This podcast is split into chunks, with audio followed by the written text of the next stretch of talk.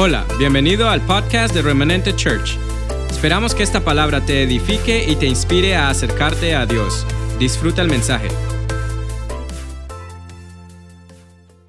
Remanente. La iglesia remanente es un lugar de restauración. ¿Cuántos creen eso? Casa de restauración. Si podemos resumir la iglesia remanente con una sola palabra, yo diría que es restauración.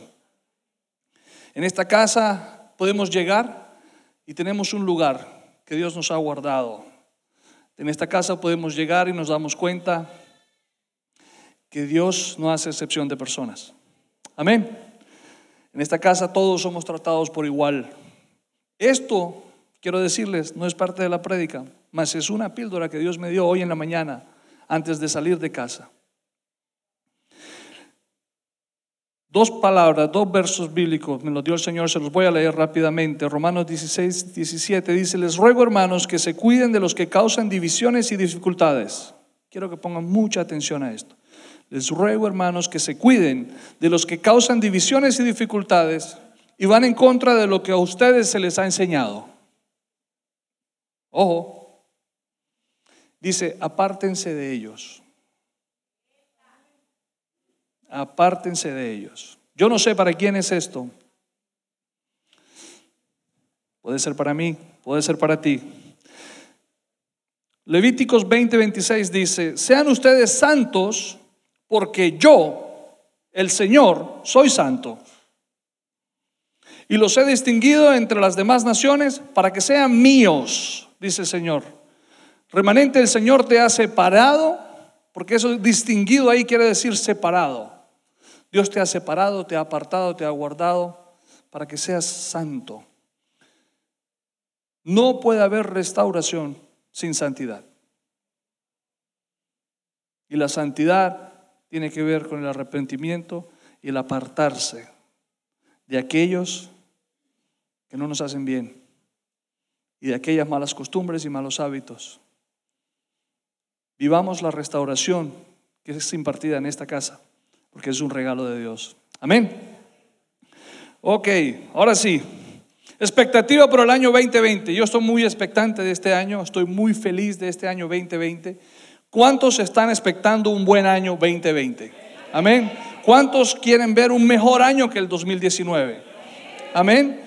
¿Cuántos quieren lograr las cosas que de pronto no se pudieron lograr en el 2019, 2018, 2017? Amén.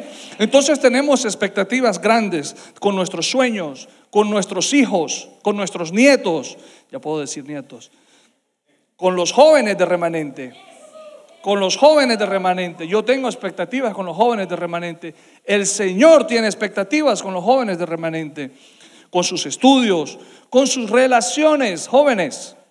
Jóvenes, jóvenes, jóvenes, me gustaría si se fueron para las clases que se devuelvan los jóvenes grandecitos que se sienten en el cuarto gris, que es importante que escuchen. Con sus relaciones, con sus relaciones con los padres, con las madres. ¿Cuántos tienen expectativa con lo ministerial? Amén. Yo tengo expectativa con lo ministerial. Y estando aquí en el ayuno he visto que somos varios que estamos expectando de lo que Dios va a hacer con lo ministerial en nuestras vidas con los proyectos laborales, en fin, con nuestros trabajos, nuestros empleos, nuestros negocios. Pero cuando no entendemos las expectativas de otros, entonces no podemos entender sus decepciones. Hace 31 años, suena bastante, mi esposa volvió y me dijo, papi, no digas eso, se escucha mucho tiempo. Yo le dije, pero es verdad. Hace 31 años, yo tenía 14 años de edad, saqué las cuentas, son 45 años.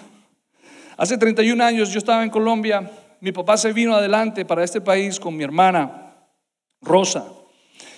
Se vino a abrir camino, se vino a buscar un mejor futuro como todos nosotros. Yo tenía 14 años de edad, yo me quedé en Colombia con mi mamá junto a dos hermanos más. Y bueno, en ese entonces, 31 años atrás, no había Facebook. No me digan mentiras. Ustedes saben que no había Facebook. No había celulares con San Google en la mano. ¿Verdad? No había Instagram. No existía. Ni, ni por allí. Yo creo que el creador de Facebook no había nacido. Creo yo hace 31 años. ¿Verdad? Entonces, Eso no quería decir que no podíamos soñar.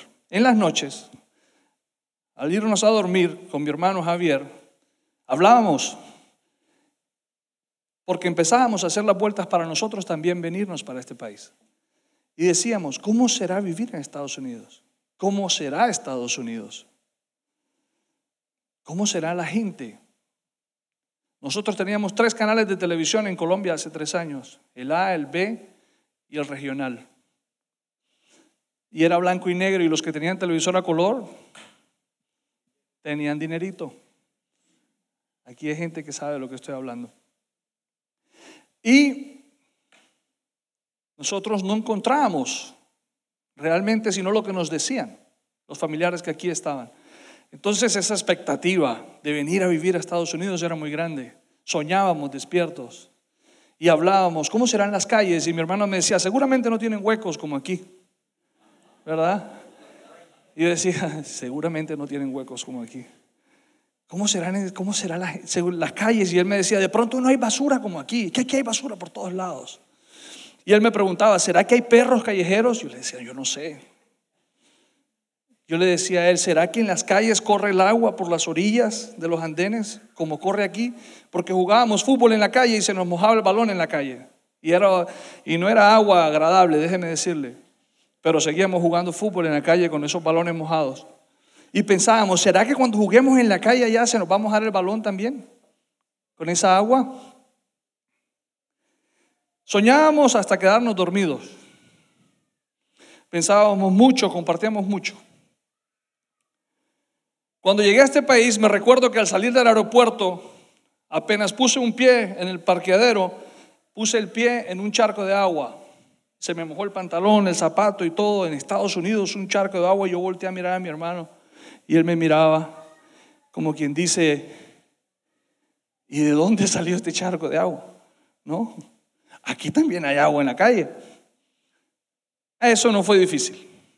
Eso fue fácil de superar cuando vimos las calles, los carros y todo lo que vemos en este país. Imagínense, si ahora impresiona, se imaginan 31 años atrás, ¿cómo puede impresionar eso? Eso generó en nosotros mucho más expectativa todavía. Pero las cosas empezaron a cambiar cuando entramos a la escuela. Nos levantábamos a las 5 y 15 de la mañana, teníamos que estar en la parada del bus porque vivíamos en Centerville y la escuela que nos daba clases era la escuela de Fairfax y estaba a una hora de distancia. Era la única escuela que daba clases de inglés, ESL. Entonces nos parábamos en esa parada del bus con un frío que nos temblaban hasta los dientes.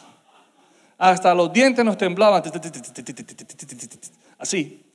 Y el viento y las orejas yo sentía que se me caían. Y yo, mira, a mí se me salían las lágrimas y se me congelaban. Era horrible, horrible, horrible. Nunca habíamos experimentado ese frío. Llegar a la escuela y nos servían donas grasosas con leche fría. Qué cosa tan horrible. Yo pensaba, ¿dónde están mis huevitos calientes? ¿dónde está mi arepita? ¿Dónde está mi café? ¿Verdad? Y después entrar al salón de clases y encontrar todo en inglés y no entender nada. Ni qué hablar del bullying. Hoy en día las escuelas pelean el bullying, ¿verdad? En ese entonces el bullying lo hacían los, los maestros. Claro, estamos hablando de hace 31 años. El único hispano en esa clase era mi hermano y yo. Los maestros no estaban acostumbrados a lidiar con gente que no entendía el idioma. Entonces empezamos a vivir todo esto. ¿Y qué se dice de la soledad cuando llegábamos en la tarde a la casa? Y es un dolor en los oídos del silencio que existe en las tardes, en las casas para los jóvenes. Padres, estén pendientes de sus hijos, esos muchachos que llegan solos a las casas y que no está mamá y papá. Hoy en día la tecnología nos ayuda mucho. Hagan un FaceTime, llámenlos, salúdalos, bendígalos, déjeles saber que usted no está ahí porque está trabajando, pero que usted está ahí para lo que ellos necesiten y que no están solos, porque ese sentimiento de soledad en la edad de la adolescencia, de los teenagers, es demoledor. Es demoledor. Es tanto el silencio que hay que duelen los oídos. Y uno sale a la puerta y no pasa ni un perro callejero. Yo nunca en mi vida me imaginé que yo iba a extrañar un perro callejero. Jamás. No me lo imaginé. Se lo digo.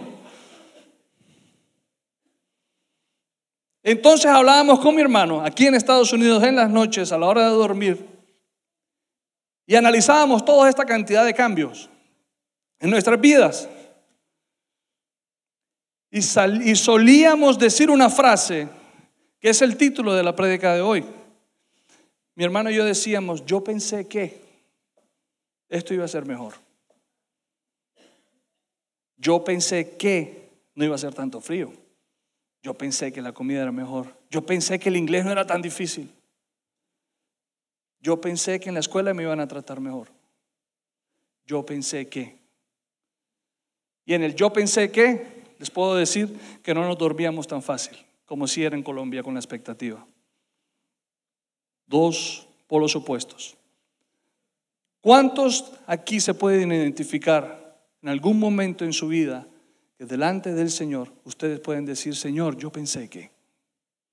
Amén. Yo me identifico con eso. Delante del Señor, cristianos, convencidos de que Jesucristo nos rescató, yo he tenido mis momentos en donde voy delante del Señor y le digo, Señor, yo pensé que esto iba a ser diferente. No hablemos más de mí, para un niño de 14 años eso es fácil ilusionarse y tener expectativas y soñar. Vamos a la palabra, yo voy a leerles. Ustedes tomen nota y lo estudian en su casa cuando tengan tiempo en Mateo 1, 18 al 23. Rápidamente, Dios tiene grandes cosas para nosotros en esta mañana. Quiero que estén bien atentos a lo que Dios quiere decirles, porque Dios quiere hacer cosas maravillosas. El nacimiento de Jesucristo fue así. Estando comprometida María, su madre, con José, antes que, vinieran, que vivieran juntos, se halló que había concebido del Espíritu Santo. Les voy a hablar de José, no les voy a hablar de María. María y José la tuvieron difícil.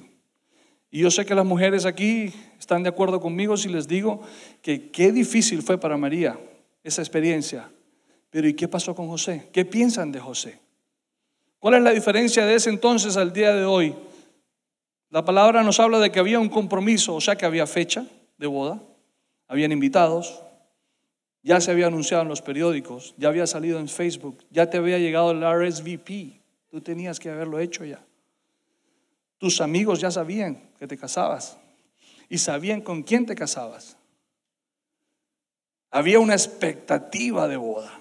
Hey, expectativas de boda son especiales dos familias que se juntan. Es hermoso. Y resulta que le llegan a José con la noticia de que su novia está embarazada.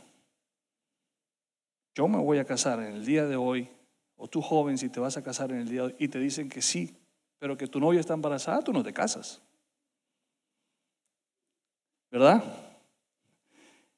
Entonces dice la palabra que José, su marido, como era justo y no quería avergonzarla, la quiso dejar secretamente, que nadie sepa. Hizo un plan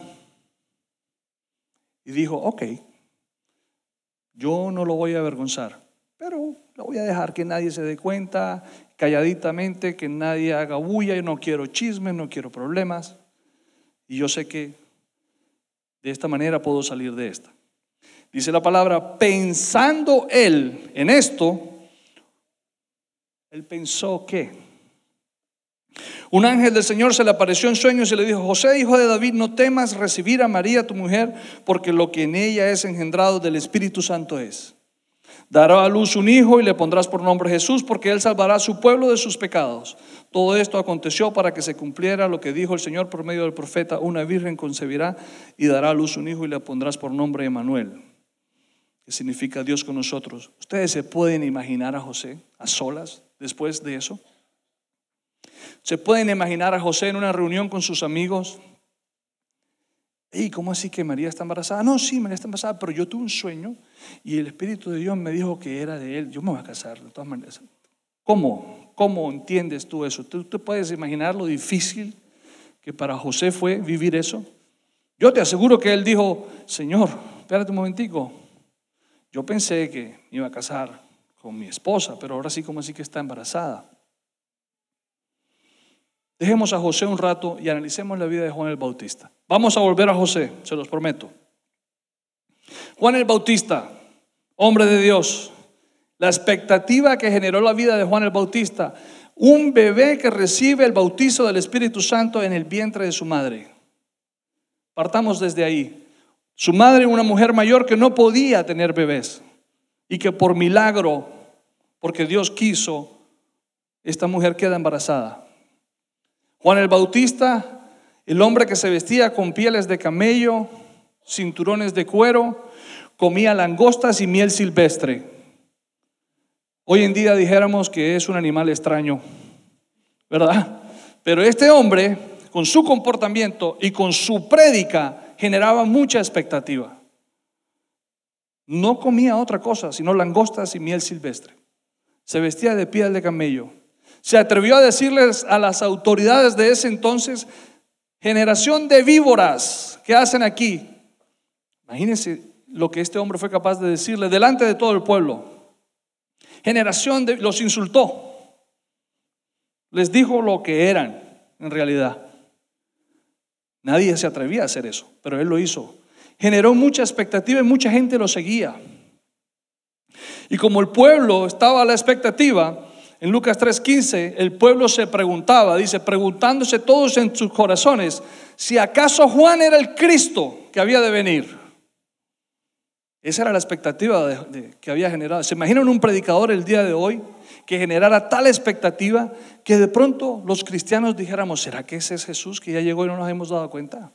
Esa era la expectativa que Juan el Bautista creaba cuando, cuando predicaba, cuando hablaba, con lo que hacía, cómo se comportaba, con su santidad, con lo separado que él vivía para servir y hacer el propósito de Dios.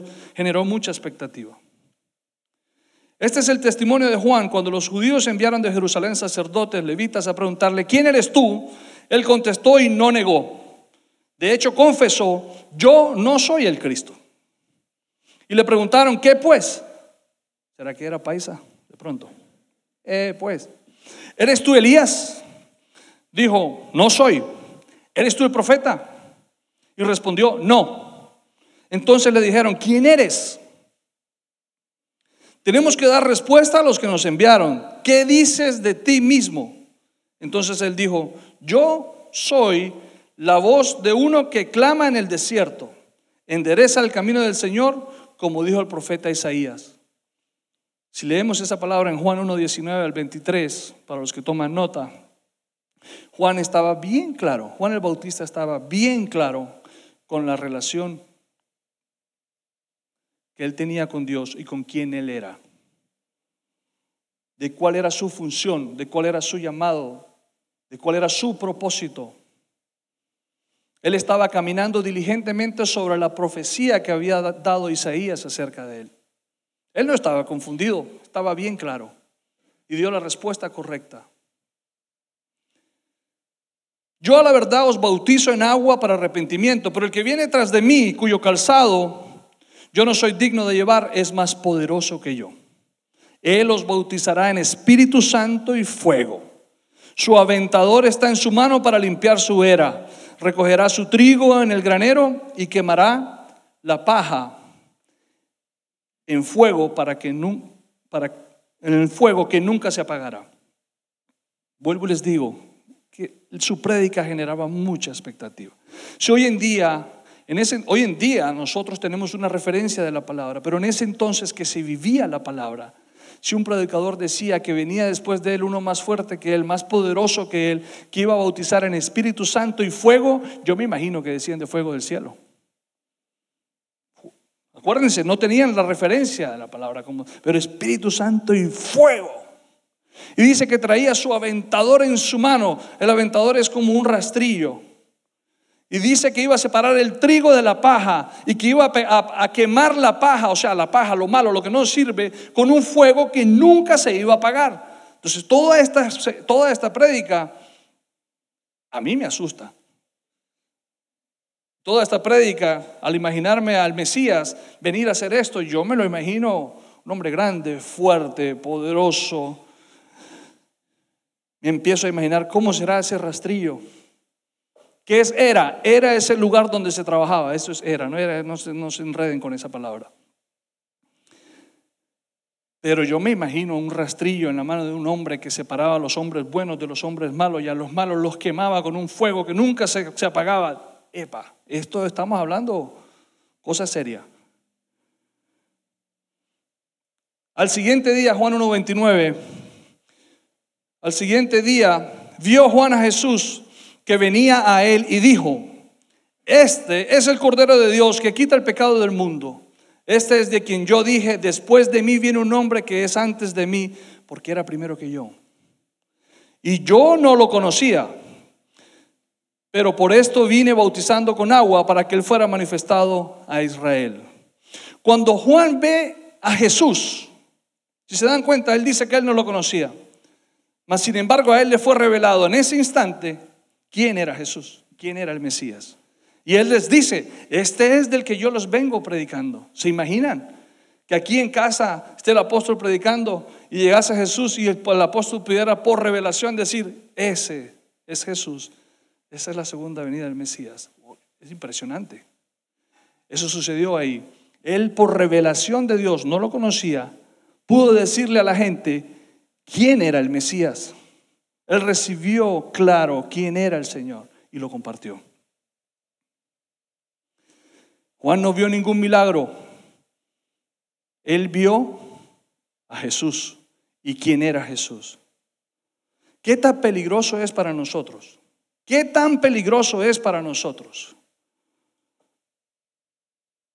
Cuando generamos nuestras expectativas en lo que Dios puede hacer para nosotros y no en lo que Dios es para nosotros. Porque cuando nosotros hablamos, cuando Juan el Bautista, perdón, dice, he aquí el Cordero de Dios que quita el pecado del mundo, él no había hecho ni un solo milagro. Sin embargo, pudo decir quién era el Mesías. Porque él pudo, a él le fue revelado quién era Jesús. Para el mundo en ese instante, dijo el Cordero de Dios que quita el pecado del mundo. Él no vino a decir, Él es el que viene a hacer milagros y el que va a levantar a los muertos y Él es el que viene a sanar de los leprosos. Él no dijo eso. Cordero de Dios que quita el pecado del mundo. ¿A cuántos de nosotros, si volvemos a la pregunta del principio, hemos generado nuestras expectativas del año 2020 basadas en lo que Dios puede hacer para nosotros y no en lo que Dios es para nosotros? Es peligroso cuando solamente nuestras expectativas están basadas en lo que Él puede hacer por ti y por mí. Eso es peligroso. Seguimos. Entonces Jesús vino de Galilea al Jordán donde estaba Juan para ser bautizado por él. Pero Juan se le oponía, ojo, diciendo, yo necesito ser bautizado por ti y tú acudes a mí. Jesús le respondió, permítelo ahora porque así conviene que cumplamos toda justicia. Entonces Juan se lo permitió. Juan, un hombre de Dios, lleno de Dios, de la revelación de Dios, cumpliendo la palabra de Dios, la palabra profética que había sido dada sobre su vida. Y él está cumpliendo esta palabra. Y a pesar de la revelación, y a pesar de saber quién es él, quiso ayudar al Señor. Y lo quiso hacer a su manera. Él quiso meter su mano para ayudar al Señor. Y Jesús le dice, cabezón, eso no se puede hacer. ¿Qué te pasa? No ves que si lo hacemos así, si yo vengo y te bautizo a ti, no sucede la justicia del reino de los cielos sobre la tierra. ¿Sabes tú que cuando nosotros metemos la mano en lo que Dios está haciendo, evitamos la justicia de Dios en la tierra? Evitamos la justicia de Dios sobre nuestras vidas, sobre nuestras generaciones sobre nuestros hijos, sobre nuestros nietos, sobre todo lo que está a tu mano. Evitas que la justicia del reino de los cielos se cumpla sobre tu vida cuando queremos ayudar al Señor. Cuando queremos hacerlo, porque es que yo tengo la revelación. Yo estoy claro quién yo soy. Y entonces creemos que podemos ayudar al Señor. Hacemos la, de la del Gambetta Estrada, una de más. Un jugador de fútbol en Colombia, buenísimo, pero siempre hacía una de más y botaba el gol. evitamos la justicia de Dios sobre nuestras vidas. Juan lo quiso hacer a su manera. ¿Cuántos de nosotros nos encontramos en momentos de nuestras vidas en donde queremos hacerlo a nuestra manera? Seamos honestos. Yo me encuentro allí. Seamos honestos. Sobre todo cuando vivo un momento en donde yo digo, Señor, yo pensé que. Entonces empiezo desesperadamente a buscar la manera de hacerlo a mi manera, a mis formas, con mis ideas, como yo creo que es mejor para, mejor para la persona, para tus hijos, para tu amigo, para tu negocio. Queremos caminar sobre lo profetizado, somos diligentes. Yo quiero caminar sobre lo que Dios dijo acerca de mí. ¿Quieres tú caminar acerca de lo que Dios dijo acerca de ti? Yo creo que sí. ¿Quieres caminar en lo que Dios dijo acerca de ti? ¿Tú quieres que lo que Dios dijo acerca de ti se cumpla? ¿Quién dice amén? Yo quiero. Yo quiero caminar en lo que Dios dijo acerca de mí. Pero resulta que cuando recibimos la palabra de Dios, la revelación de Dios, agendamos la palabra de Dios. Y empezamos, sin darnos cuenta, a planificar cómo va a suceder esto. Y empezamos a medir todo y a calcularlo todo. Sin darnos cuenta, porque no nos damos cuenta, que lo que realmente estamos queriendo hacer es controlarlo todo. Y lo peor de esto es que terminamos queriendo que esa palabra que Dios dijo acerca de tu vida y de mi vida suceda a mi manera. No nos damos cuenta. Queremos que suceda como yo lo pensé, como yo lo planeé, como yo lo idealicé, como yo lo soñé. ¿Por qué no? No tiene nada de malo. Si son cosas buenas. Es mi historia, nos atrevemos a decir muchos.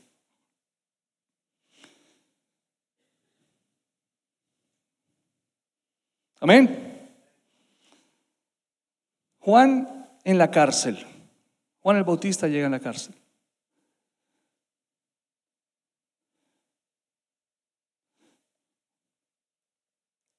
Juan cuando está en la cárcel llama a dos de sus discípulos les encomienda una tarea. Y dicen que vayan a 100 kilómetros, creo que era, o millas, no sé, muy lejos, a donde estaba Jesús, y les dice, pregúntenle esto, ¿eres tú aquel que había de venir o esperamos a otro? ¿Se imaginan? Lucas, ¿me ayuda, por favor? ¿Se imaginan ustedes en ese momento de la vida de Juan, este hombre que predicó de Jesús, que habló de Jesús, que abrió el camino en el desierto para que el Mesías llegara, que bautizó en aguas, que le pidió a Jesús que lo bautizase a él, que le fue revelado quién era el Mesías y después él pudo ver el Espíritu Santo descender sobre el ungido el que estaba apartado y separado en santidad para Dios, el que vivía y conforme al propósito de Dios en su vida, mandar a dos de sus discípulos a preguntarle a Jesús si era él. ¿Se imaginan el estado en que este hombre estaba? De tristeza, de desolación, de depresión, de desesperanza. Hay veces que la revelación no es suficiente. Hay veces que Dios nos habla y nos dice y nos muestra. Y le entendemos. Pero empezamos a vivir cosas en nuestra vida en donde podemos decir, como decía Juan, ¿qué es esto que me está pasando?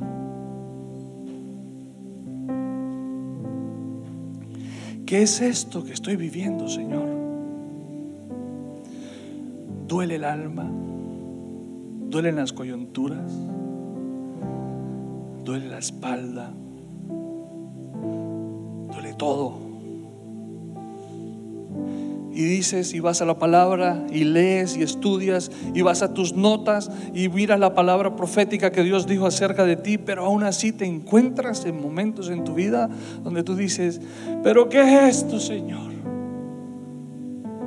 No lo entiendo.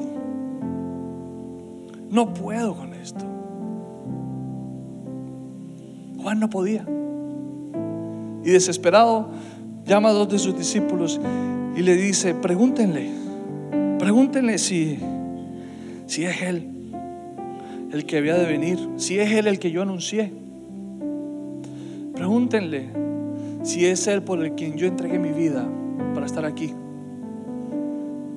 No solamente preso físicamente, sino preso del dolor, de la tristeza, de la decepción, de la angustia, de la soledad, de la depresión horrible que te carcome, hasta que te duelen los huesos. Pregúntenle si es Él.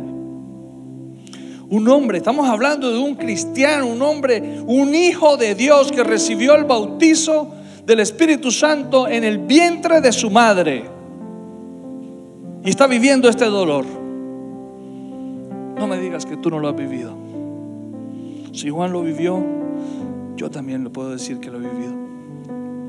Donde la vida me ha lanzado unas bolas curvas para los que juegan béisbol que no había visto jamás en mis años de entrenamiento. Donde la vida me ha golpeado de una manera en donde todavía estoy buscando la placa del bus que me está que me golpeó. Donde no tiene sentido ni explicación donde las expectativas que se generaron en la vida de Juan por su prédica, por su comportamiento, por su actitud, no iban acorde con lo que él estaba viviendo. Ustedes se imaginan la decepción que estaba viviendo Juan. Decepcionado de la vida. Y es de allí. Se imaginan las veces que Juan pudo haber dicho, yo pensé que, Señor, yo pensé que como yo abrí camino, yo iba a estar contigo, porque es que a Juan le llegan las noticias en la cárcel de que el ministerio del Señor estaba explotando por el mundo entero. Milagros, sanidades, los, los ciegos veían, los leprosos eran sanos. Y Juan está encerrado,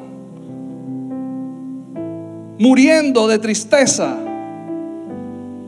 encerrado, muriendo de tristeza después de haberle abierto camino a este hombre que está explotando en su ministerio.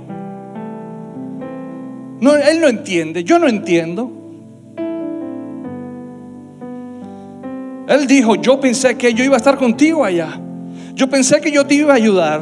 Yo pensé que yo iba a ser parte de esos doce apóstoles. Yo pensé que ¿Qué significa todo esto?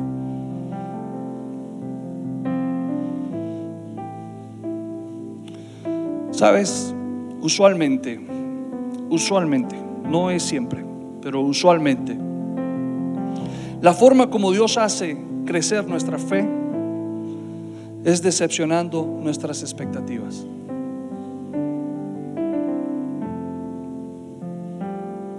La forma como Dios hace crecer nuestra fe es decepcionando nuestras expectativas. ¿Cuáles son nuestras expectativas? La manera como lo planificamos, como lo idealizamos, como lo pensamos. Nuestra manera, nuestras formas. Porque le hacemos agenda a la palabra profética de Dios. Queremos forzar las cosas como yo creo que debe ser porque es que es bueno. Quiero decirte algo, tu historia es importante, tu historia es buena y es bueno esmerarnos por vivir de acuerdo a, nuestra, a lo que Dios dijo de cerca de nosotros. Pero hay una historia mayor que tu historia y es el propósito de Dios. Juan le abrió camino al Mesías. Si Él no abre camino, el Mesías no llega. Pero Él abrió camino al Mesías. Por Juan, el Mesías hizo lo que hizo. Y esto no lo iba a decir ni siquiera se me había cruzado por la mente en el primer servicio. Derly, la hermana mayor del pastor Wilmer, vino a este país hace muchos años. Fue quien le, dio la, le abrió las puertas de su casa al apóstol Wilmer cuando llegó a este país. Le consiguió su primer trabajo, le dio techo, le dio un lugar donde estar cuando él llegó a este país, como tú y como yo cuando llegamos. Derly falleció, Derly murió. Por eso el pastor no está aquí con nosotros, está en Colombia.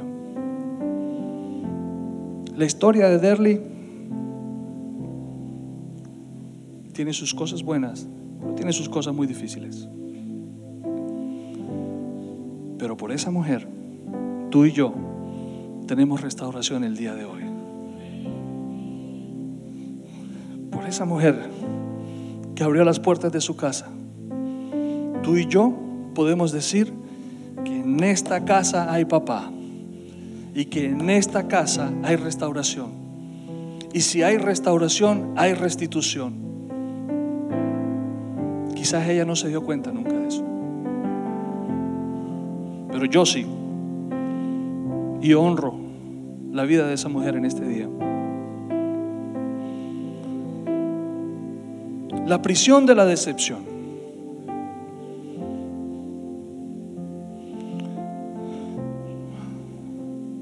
Dios te quiere liberar de esta prisión, de esta cárcel, de este sentimiento de la decepción, para que tú puedas ser parte de lo que Él quiere hacer. Esa es por la razón que Dios te quiere liberar en esta mañana. Él quiere hacerte libre de toda depresión, de toda decepción, porque Él tiene planes contigo y conmigo. Y Él quiere que tú veas que la buena obra que Él comenzó en ti y en mí, Él la va a terminar pero necesita romper las cadenas de la decepción. Necesita que seas libre para que tú seas parte de ese propósito. Para que tú seas parte de lo que Él dijo. Respondiendo Jesús les dijo a estos, a estos discípulos, id y hacer saber a Juan las cosas que ven y que oyen. Los ciegos ven, los cojos andan, los leprosos son limpiados, los sordos oyen, los muertos son resucitados y los pobres les es anunciado el Evangelio. En otras palabras, Dios les dijo, ¿sabes qué? Vaya, díganle a Juan que sí, que yo soy. Solamente que no lo estoy haciendo como él pensó. Yo soy. Y díganle lo que yo estoy haciendo. Porque yo soy. ¿Sabes qué? No estás viviendo lo que pensaste, pero Él sí lo está haciendo. No como pensaste, no como lo idealizaste, no como lo planeaste, pero Él lo está haciendo. Él lo está haciendo. Él lo está haciendo. Él lo está haciendo. Él lo está haciendo. Él te quiere hacer libre. Y Él está haciendo lo que Él dijo acerca de ti.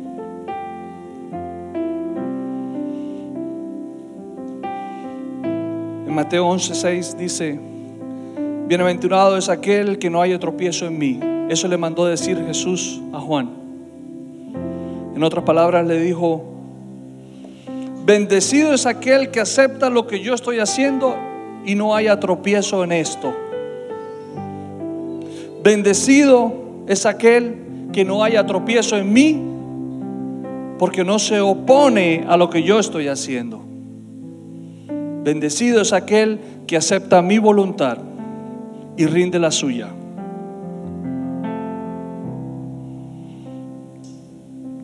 ¿Sabes qué sucede cuando aceptas la voluntad de Dios? Abrazas lo que tienes enfrente. Yo no te pido que lo entiendas, pero sí que rindes tu voluntad y yo rindo la mía para poder abrazar lo que tenemos enfrente, porque lo que tenemos enfrente es el propósito de Dios.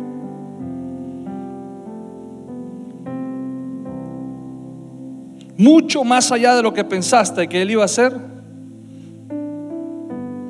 Dios va a hacer mucho más allá. Dios tiene más que un rastrillo y fuego.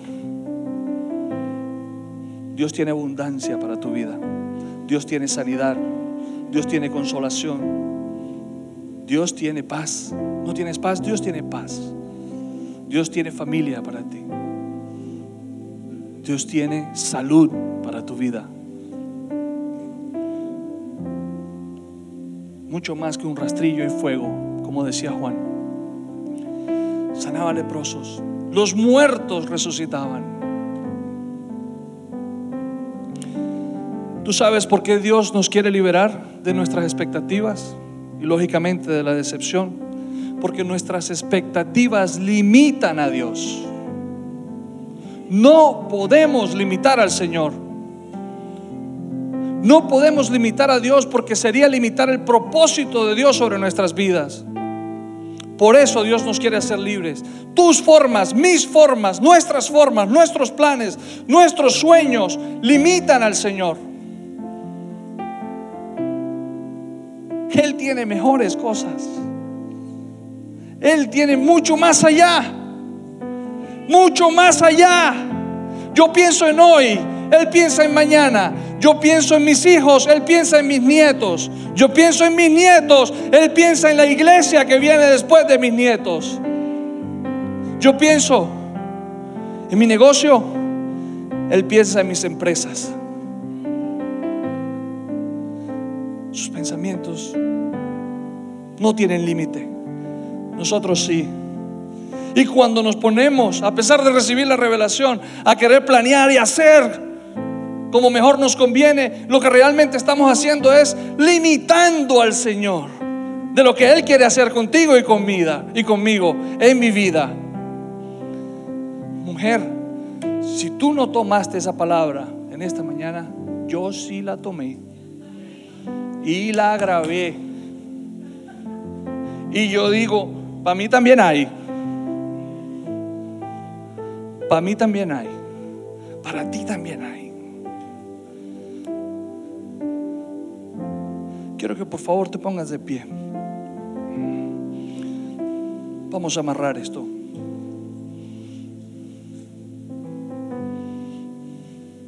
¿Se acuerdan de José? Les hablé de José, ¿verdad? ¿Se acuerdan del sueño que tuvo José cuando el ángel le habla en el sueño? Bueno, la palabra dice en Mateo 1:24, cuando despertó José del sueño, hizo como el ángel del Señor le había mandado y recibió a su mujer. En la decepción más grande que este hombre pudo haber vivido,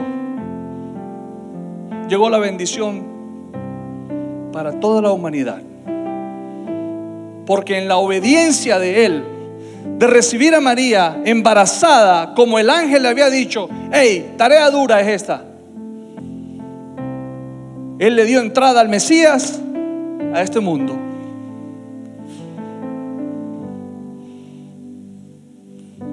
En la adoración. En la adoración. Hoy vamos a adorar al Señor para cerrar. Hoy vamos a levantar una alabanza al Señor. Como señal de que queremos obedecer. Como señal de que no queremos limitar más al Señor con nuestros planes, con nuestras metas, con nuestras formas. Hoy vamos a levantar una aleluya. Hoy vamos a levantar una alabanza al Señor.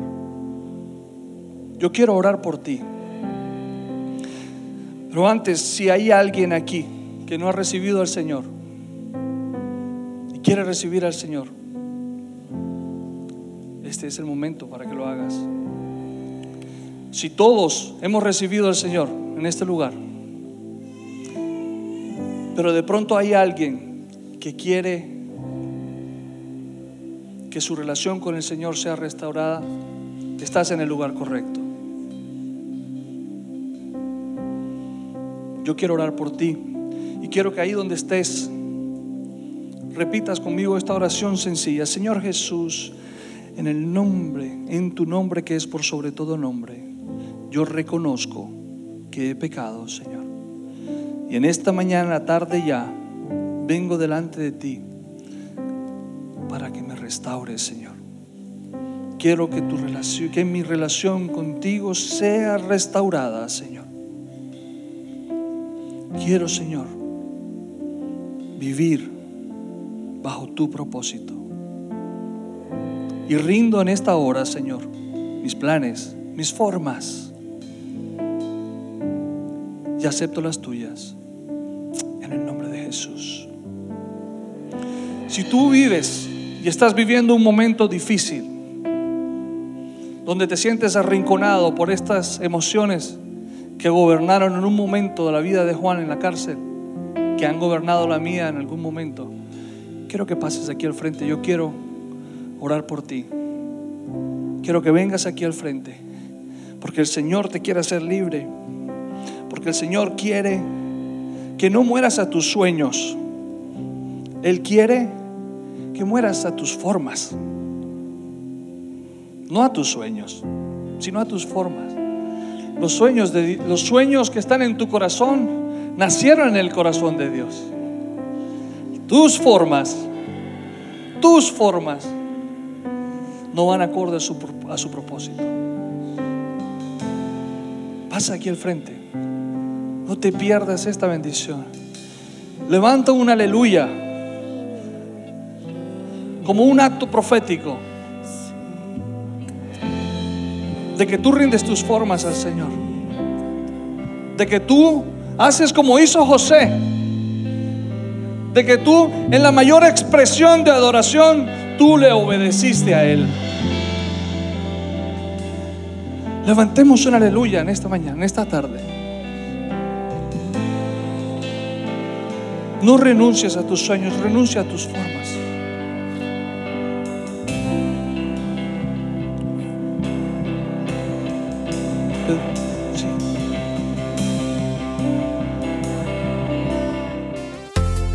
Esperamos que este mensaje haya sido de bendición.